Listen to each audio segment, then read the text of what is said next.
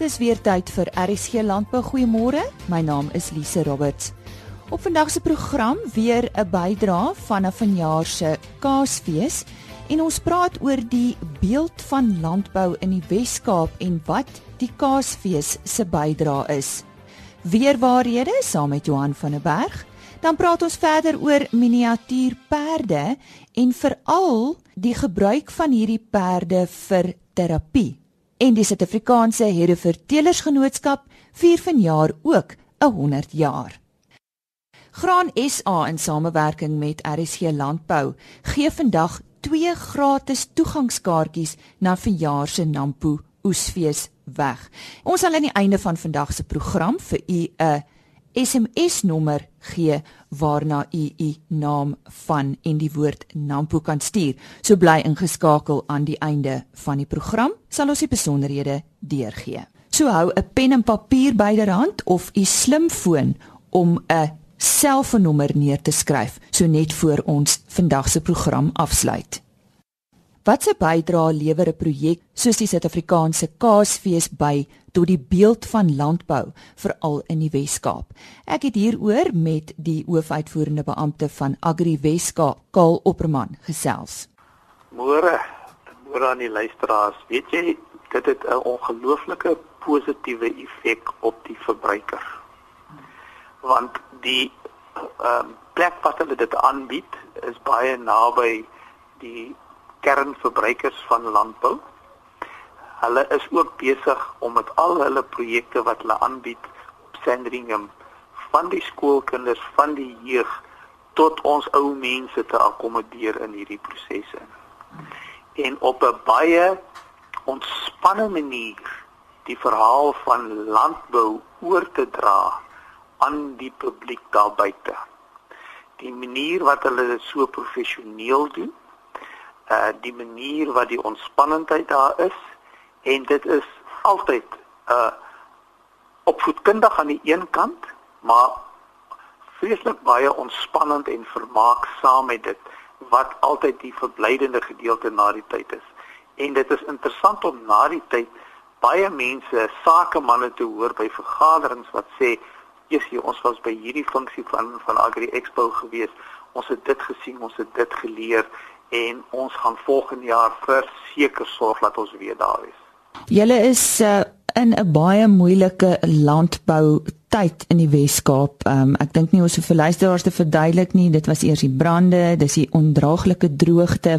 Dink jy dat dit enigsins 'n effek gehad het tot miskien ek voel sleg maar nou voel ek beter want ek het so 'n lekker ding bygewoon om te sien dat landbou gaan nog aan ten spyte van al hierdie negativiteit weet jy die huidige klimaatsomstandighede wat landbou in die Weskaap beleef uh en waar dit fisies nou die klimaatsomstandighede tot die huisvrou in haar huis nou aanvoel elke oomblik van die dag is daar meer 'n geneentheid om te sê as ek 'n waterprobleem het gaan ek kos kry, gaan ek groente kry, gaan ek melk kry, gaan ek vleis kry.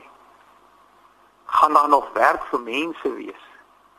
En ek dink dat hierdie gas boodskap wat landbou nou uitsit is, is om te sê dat in hierdie klimaatsituasie waar ons nou is, is eintlik die kernfondament van menswees, landbou baie hard deurgekom en ek is baie seker dat 'n mens sal in die toekoms veral met funksies soos empatie nie maar verstaan kry waaroor alles gaan en die belangrikheid van primêre landbou. En net om hier af te sluit, kom ons eh, kom 'n bietjie huis toe. Ehm um, ek ek ons ek wil weer oor die klimaatsomstandighede gesels. Uh waar staan julle tans skaal? Kom ek sê vir jou ek het gister die die laaste die nuutste ene gekry. Al die Kaapse damme staan op 20%. Laas jaar hierdie tyd was ons op 30. As ons kyk na ehm um, Dierwaterskloof wat eintlik die stad Kaapstad se hoofbron is, staan ons op 14.7% teenoor die 31% van laas jaar. So uit hierdie hoek uit is ons baie in 'n kritieke situasie en dat landbou se water die laaste week van Februarie afgesny. So landbou kry nie meer water uit hierdie damme en hierdie besproeiingssektore uit nie en ons water is afgesny. Dit gaan vir ons 'n probleem gee die jaar hierna want ons het nou naoeswater nodig om die wingerde, die boorde ehm um, te voed voor hulle in rus gaan vir die volgende produksiesiklus die hoofuitvoerende beampte van Agri Weskaap Kaal Opperman. Nou ja, ek het tydens die Kaasfees ook vir Bertus Mong, die president van die Suid-Afrikaanse Herevertelersgenootskap, raakgeloop en hulle vier vanjaar hulle 100-jarige bestaan.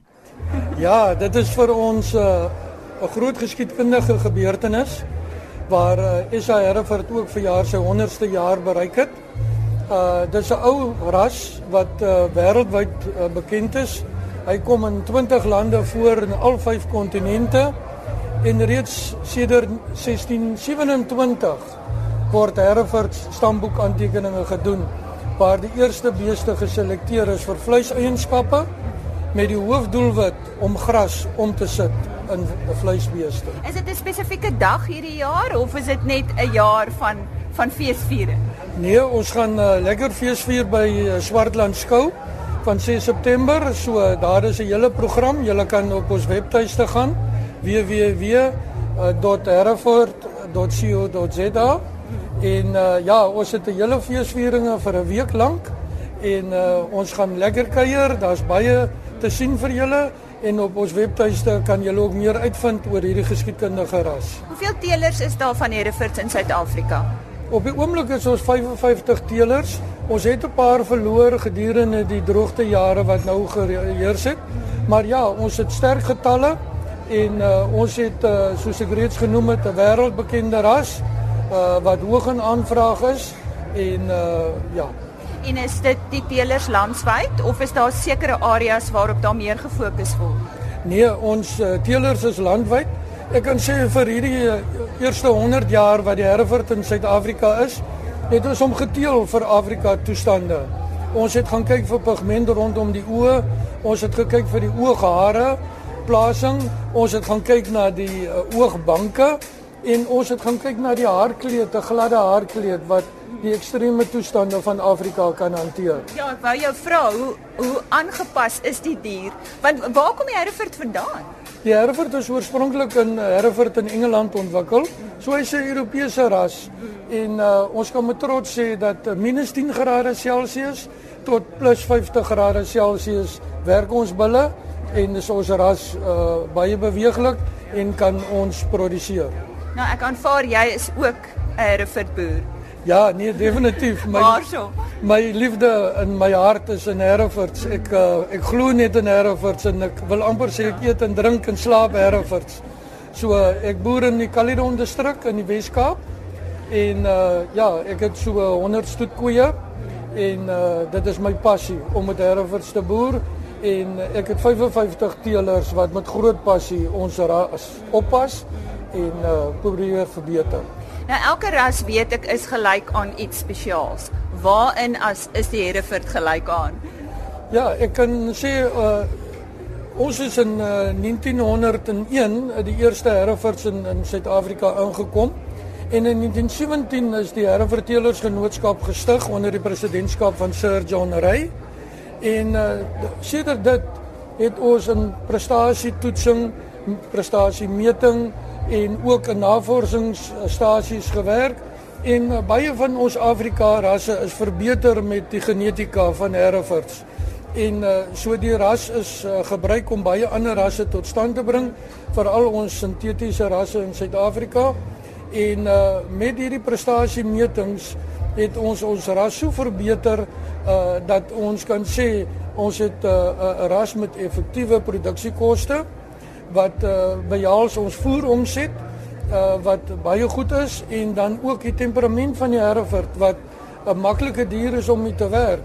En dan kan ek tweedens sê dat uh, ons 'n uh, baie goeie prestasie het in groei vermoë en produksie. En en dit kry ons uh, om die nodige aantal vleis per hektaar te produseer. En dan die laaste een wat die belangrikste ene is, uh is die ehm um, kwaliteit van ons produk want ons moet kyk na die uh uh die, ons verbruikers wat ons produk verbruik en uh, met ons nuutste tegnologie wat ons gebruik is die sogenaamde RTU scanning wat ons die oogspier van die Hereford van die bees uh, uh meet en daardeur kan ons sien wat is die vetverspreiding en wat is die grootte van die oogspier. En uh, dit is ons nuwe teelmetodes waarna ons kyk om vir die verbruiker daardie sagte, sappige, geurende Herefordstyk te gee. Nou die luisteraars kan hoor is lekker besig hier in die agtergrond en ons is vandag hier by die Kaasfees. Is julle ook teenwoordig? Nee, nee, ons gee dit vandag vir die melkbeeste en ons sê ons eet ook lekker kaas saam met ons produk ja. en uh kaas is ook ons geurende produk ja, ja. saam met ons. En wat sê die vleisprys vir die boere? Ja, ek kan sê die beesvleispryse is vinnig besig om skaapvleispryse in te haal. Daar is 'n geweldige tekort en die uitdaging is nou vir ons daar om uh vinnig groot hoeveelhede vleis te produseer vir ons verbruikers in Suid-Afrika. En vir meer inligting oor die SA Hereford 100-jarige bestaan, besoek gerus hulle webtuiste. Dit is www.hereford.co.za. En ek het daar gesels met die president van hierdie vereniging, Bertus Mong. Weer waarhede saam met Johan van der Berg.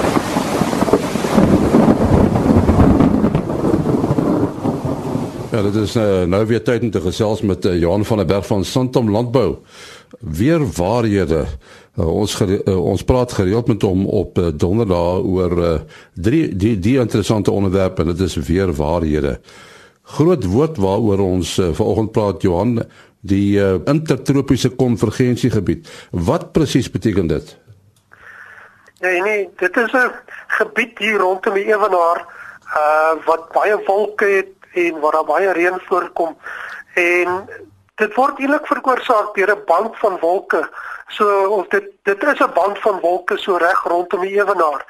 Uh dit dit word gevorm deur 'n band van winde wat saamkom vanaf die verskillende halfronde is vanaf die noordelike halfrond en die suidelike halfrond en waar hierdie twee winde dan saamkom uh kry ons hierdie uh, invoer van van vogtige lug ook. Die stygende lug wat in hierdie gebied voorkom uh veroorsaak dan baie wolke, donderstorms en swaar reën rondom die ewenaar. Nou die hoekom daar so baie wolke is, ons moet onthou die son kom twee keer in 'n jaar oor die ewenaar uh hier rondom Maart en September. So dis die gebied wat die warmste is en wat ons kry meer gereeld dat die son loodreg oor hierdie gebiede dan skyn. Die intertropiese konvergensiesone skuif noord en suid soos wat die son dan beweeg as gevolg van die seisoen. So ons moet as dit uh, by ons winter is, uh dan skuif die son verder noordwaarts, soos weet ons, uh en die intertropiese konvergensiesone skuif dan ook verder noordwaarts waar die waar daar meer hitte is waar verdamping en wolkvorming dan kan plaasvind. Ehm um, daar's twee groot re reenseisoene op die ewenaar. Uh omdat die son dan twee keer in 'n jaar rondom hierdie gebied of op hierdie loodreg oor hierdie gebied voorkom. Verder weg van die ewenaar begin dit al meer beweeg in 'n enkele reenseisoen soos wat ons hier in Suidelike Afrika ervaar. So uh die noordelike halfrond is die reentyd dan Julie rondom Julie uh hulle is groot reenseisoen en in die suidelike halfrond rondom Desember. Nou hierdie intertropiese konvergensie sone beweeg soos ons sê saam met die son. Maar dit is nie konstant dat 'n mens 'n lyn kan trek en sê dit beweeg ek soveel uit grade nie. Daar is ander faktore wat dit ook kan laat beweeg of laat laat beïnvloed. Oor Suidelike Afrika byvoorbeeld, uh die intertropiese konvergensiesone kom redelik laag af, meer oor die oostelike gedeeltes van Suidelike Afrika. Nee, maar want die Atlantiese Oseaan, die koue Atlantiese Oseaan in die weste kant veroorsaak 'n hoëdrukstelsel en dit druk basies uh of dit veroorsaak dat hierdie uh vog wat uh, rondom die ewenaar in hierdie uh, konvergensiesone is nie so ver suid kan afkom nie en dit veroorsaak dan ook die droogtes ons weet dat die westelike gedeeltes van suidelike Afrika is droër uh, want die vog wat afkom uit die tropiese intertropiese konvergensiesone word meer gedruk na die Indiese Oseaan, die warm Indiese Oseaan. So as ons spesifiek meer kyk hier oor Suid-Afrika, uh, ons is ver weg van hierdie intertropiese konvergensiesone. En uh, goed soos El Niño en siklone uh, kan ook veroorsaak dat hierdie intertropiese konvergensiesone nie op sy normale posisie is nie. En dit veroorsaak soos byvoorbeeld byvoorbeeld tydens El Niño jare dat uh, die hoëdrukstelsel hier vanaf die weste kant wat alreeds daarso is nog sterker word en dit veroorsaak dat die intertropiese konvergensiesone verder ooswaarts gedruk word en dat die vog nie hier by ons kan kan afkom nie. So hoe verder 'n mens dan van die ewenaar af gaan, hoe meer wisselvallig word die reënval soos wat ons hier in Suid-Afrika ervaar. Uh, maar dit kan ook deur ander faktore ook beïnvloed word, soos ons gesê deur El Niño, deur die Indiese Oseaan, uh tropiese siklone en dis meer. Ja, uh, mense moet dikwels as hulle praat van reën wat oor Angola, Suid-Afrika binnestroom. Dit is ook maar seker uitloopsels van die konvergensiegebied. Dit is die intertropiese konvergensiesone wat afskuif. Maar dit word nie altyd dit kom nie altyd suidwaarts genoeg soos wat is sodat dit hier oor die sentrale gedeeltes van die land kan kan voorkom nie. So hy kom tot by Angola en wat dan baie keer gebeur uh die hoëdrukstelsel hier uit die weste kant domineer en dit druk basies die vog nie weg van suidelike Afrika en dit gaan meer oor Zimbabwe en Mosambiek en daardie gedeeltes direk in die Oseaan toe. So ons sien baie keer dat uh die vog oor Angola afkom. Dis 'n dis dis dis 'n goeie teken want die die vog is nie meer so ver soos wat dit in die winter byvoorbeeld is nie maar dan moet die hoëdrukstelsel hier uit die weste ook nie sterk wees nie sodat daardie vog meer uh, reg suidwaarts of suidoos ooswaarts kan afbeweeg. So dis 'n hele interaksie tussen 'n klomp goed uh wat veroorsaak dat dit reën of nie reën nie en dit veroorsaak dan die groot wisselvalligheid van reënval hoe verder 'n mens van ewenaar af gaan. Ja, ek dink uh, die van die wat nou al uh, Europa toe en teruggevlieg het, uh, weet van hierdie gebied, want dit is waar al die stampe en stoot het uh, voorkom in die vliegtuig, né? Dit is want daar is 'n baie sterk opwaartse beweging wat van lug wat plaasvind. Uh dit's baie sterk laagdrukstelsels, so ons kry baie vinnige beweging van lug opwaarts en dit veroorsaak dan baie sterk donderstorms dit nie lank ster of lang periodes van reën nie, maar baie sterk uh reënval wat voorkom oor korte periodes, maar dit veroorsaak dat 'n mens dan hierdie stampe goed in die vliegtuig kry as gevolg van hierdie baie sterk opligting wat plaasvind van van die vochtige lug. Daar sê weer waarhede Johan van der Berg van Santam Landbou. En onthou en die Maas en Johan van der Berg maak volgende week weer so. Miniatuurperde het verskeie talente en word as troetel, skou en selfs terapieperde gebruik. Maar is daar 'n beduidende mark om hierdie perdjies te boer? Ek gesels onder andere hieroor met Corlizet Erasmus. Ons het so week gelede ook met haar gesels en sy is die president van die Suid-Afrikaanse Miniatuurperd Telersgenootskap. Corlizet miniatuurperde word veral deesdae toenemend in terapie sessies gebruik. Vertel ons bietjie meer hiervan. Weet jy, ek dink miniatuurperde het eintlik hulle pa eie pad oopgetrap in die terapie wêreld. En dit het natuurlik hoofsaaklik ontstaan omdat hulle regtig verdraagsaam is. Hulle sagge aard en dan natuurlik ook omdat hulle klein is. Hulle kan maklik gelaai word en vervoer word. Hulle stap met gemak in plekke in soos kleuterskole, ouete huise, klaskamers sonder om te veel ontwrigting te veroorsaak. Hulle word selde gery in hulle terapie bydra, maar hulle word meerendeels gebruik vir sogenaamde tasterapie en dan ook geweldig baie vir, in in kommunikasiebereiking. Jy weet 'n kind kan 'n miniatuurperd in die oog kyk terwyl hy 'n groot perd teen kniehoogte of skouerhoogte staan. En dis ook waar mense in rolstoele inkom. Hulle hulle bou maklik verhoudings met miniatuurperde en die oomblik wat hulle 'n positiewe reaksie uit 'n miniatuurperd kry, deur sommer iets eenvoudig soos dat die perd 'n bal met sy neus stoot of self retireer of ook moontlik gaan lê, dan is dit asof hierdie geweldige bande gevorm word tussen die kind en die perd. En dit is hierdie bande wat deur die ehm um, terapeute gebruik word om die motoriese vaardighede te ontwikkel en om spraakterapie en kommunikasie bou en te ontwikkel. En dit is waar die miniatuurperd so geweldig belangrik is. Hoe sal jy hulle temperament beskryf? Ek dink hulle het wonderlike temperamente. Dit is moontlik omdat hulle oorsprong kom uit werksterre in die myne. En dan is hulle ook baie gebruik as geselskapdiere vir ehm um, ek wou amper sê sien die agtige perde. My oupa weet ek het 'n um, miniatuurperde ingebring op die skip saam met sy reisiesperde net as geselskapdiere.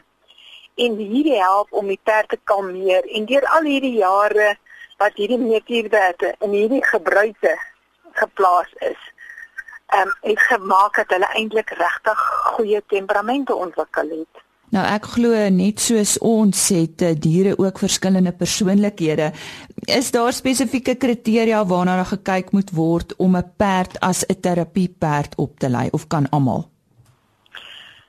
Dink die gebruik van die perd bepaal die vereiste. Jy weet 'n perd wat as 'n kameraad gebruik word vir byvoorbeeld 'n autistiese kind het heeltemal ander bekwaamhede nodig teenoor die perd wat miskien vir speelterapie gebruik mag word. En ons vind dat miniatuurperde regtig gemaklik in hierdie rolle inpas. Dit is asof hulle verstaan en weet wat die eh, challenges is van die persoon voor hulle. Temperament en gedragsaamheid vlakke van miniatuurperde is geweldig belangrik en dit bepaal dan ook die geskiktheid van die perd vir die rol waaroor hy gebruik mag word. Ons keer so 'n bietjie terug na julle teelersgenootskap. Wat behels julle werksaamhede? Weet jy ons het hierdie grondwet wat natuurlik al die vereistes stel van wat ons moet doen en dit beteken om die rasegheid te kry, egtheid te bewaar, om verslae en stambome te bewaar. Dis alles baie belangrik, maar volgens my is nog steeds belangriker as dit. Ek wil die verskeidenheid gebruike van die miniatuurperd uit te wys. Ek wil graag die bekendstelling van die ras vooropstel, aan veral miskien die breër perde publiek met die klem op die bou van vertroue tussen jong kinders en perde. En meneer Tiep het geweldig geskik vir dit. Ehm uh, hy maak 'n plek vir kinders wat nie wil perdry nie, maar steeds met perde betrokke wil wees en in 'n groter hoedanigheid as net om 'n perd lief te hê en te druk. Hy wil tog met hom kompeteer al sit hy nie op sy rug nie. En dit is hierdie goeders wat so belangrik is vir ons as genootskap om uit te wys en om die breër publiek aan bekend te stel. Werk julle enigstens op internasionale vlak saam met ander organisasies? Ons het regtig 'n baie lekker werksverhouding met die American Miniature Horse Association. Hulle um, ondersteun ons in die opsig dat hulle vir ons 'n uh, gekwalifiseerde beoordelaar uitstuur, um, op aanvraag natuurlik en hy was verlede jaar hier, die persoon Wayne Heatley, 'n gekwalifiseerde beoordelaar van Amerika om ons te help met ons nasionale kampioenskap om dit te beoordeel. En hy kom vanjaar weer uit in November en hy gaan vir ons 'n um, ehm, seminar aanbied tesame met ons algemene jaarvergadering. Hy gaan daarna vir ons 'n beoordelaarskursus aanbied. En dan die laaste naweek wat die 10de en 11de November is, gaan hy ook 'n skou beoordeel wat ons beplan vir die Dome in Parys saam met verskeie ander perderasse. Goed en uh, ja, so om mee af te sluit en dit is altyd lekker om met Correlizette gesels oor hierdie ek dink 'n uh, 'n uh, 'n uh, diertjie wat almal se harte steel. Is hulle beskikbaar in 'n verskeidenheid kleure? Wat is byvoorbeeld meer gewild onder die teelers? Weet jy Lisa, ek dink die die een van die kenmerke van die miniatuurperd is die verskeidenheid kleure.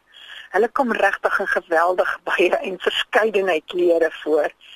En natuurlik die gewildheid van die kleure verander van tyd tot tyd. So op hierdie stadium gaan ek sê die gewildste kleur moet versekerlik die Appaloosa wees. Dit is natuurlik jou perde met kolletjies op, ehm um, net sy swart of bruin en partykeer is daar selfs plek vlekke by.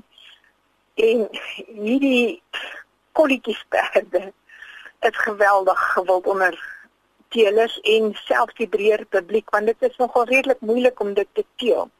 Dan jy ook ander klere, jy kry jou silwer geen die word gemanifesteer in silwer of selfs spierwit maanhare. En dan kom dit ook baie keer saam met 'n silwer lyf uit. En dit alles dra by tot al hierdie opwindendheid in die miniatuurperd.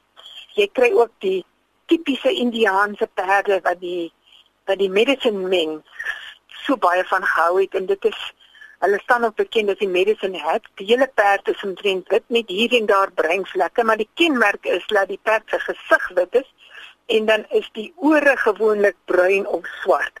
En dan tesame met dit het die perd blou oë en hy het dan ook pigment om die oë wat dit lyk amper asof hy eyeliner aangesmeer het.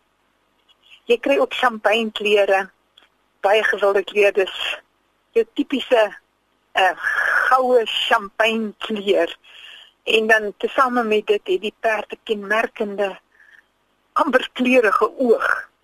Dan daarbey kom jou jou ek weet nie wat is die Afrikaans jou dilute, met ander woorde dit jou gene wat verdun.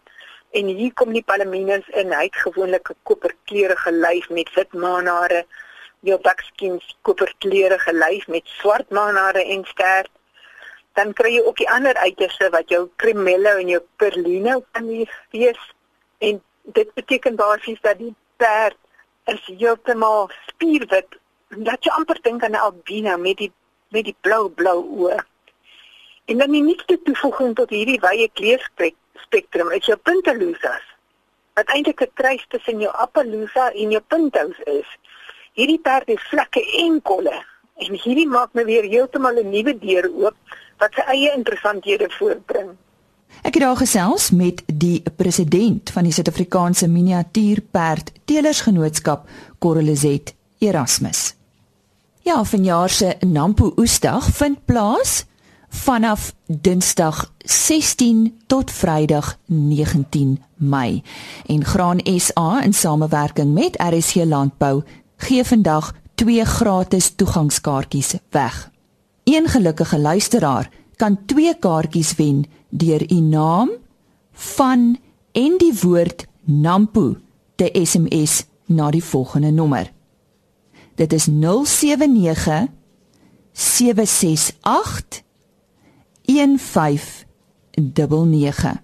Jou SMS moet ons voor die einde van vandag bereik en die wenner sal telefonies verwittig word.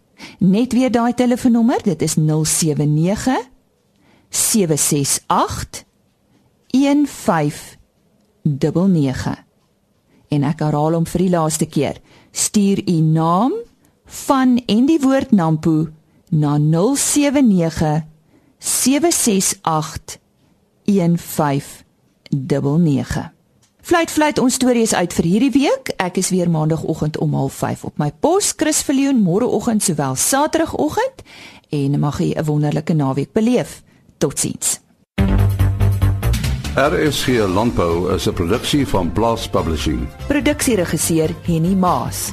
Aanbieding Lisa Roberts en 'n notas koördineerder Jolande Rooi.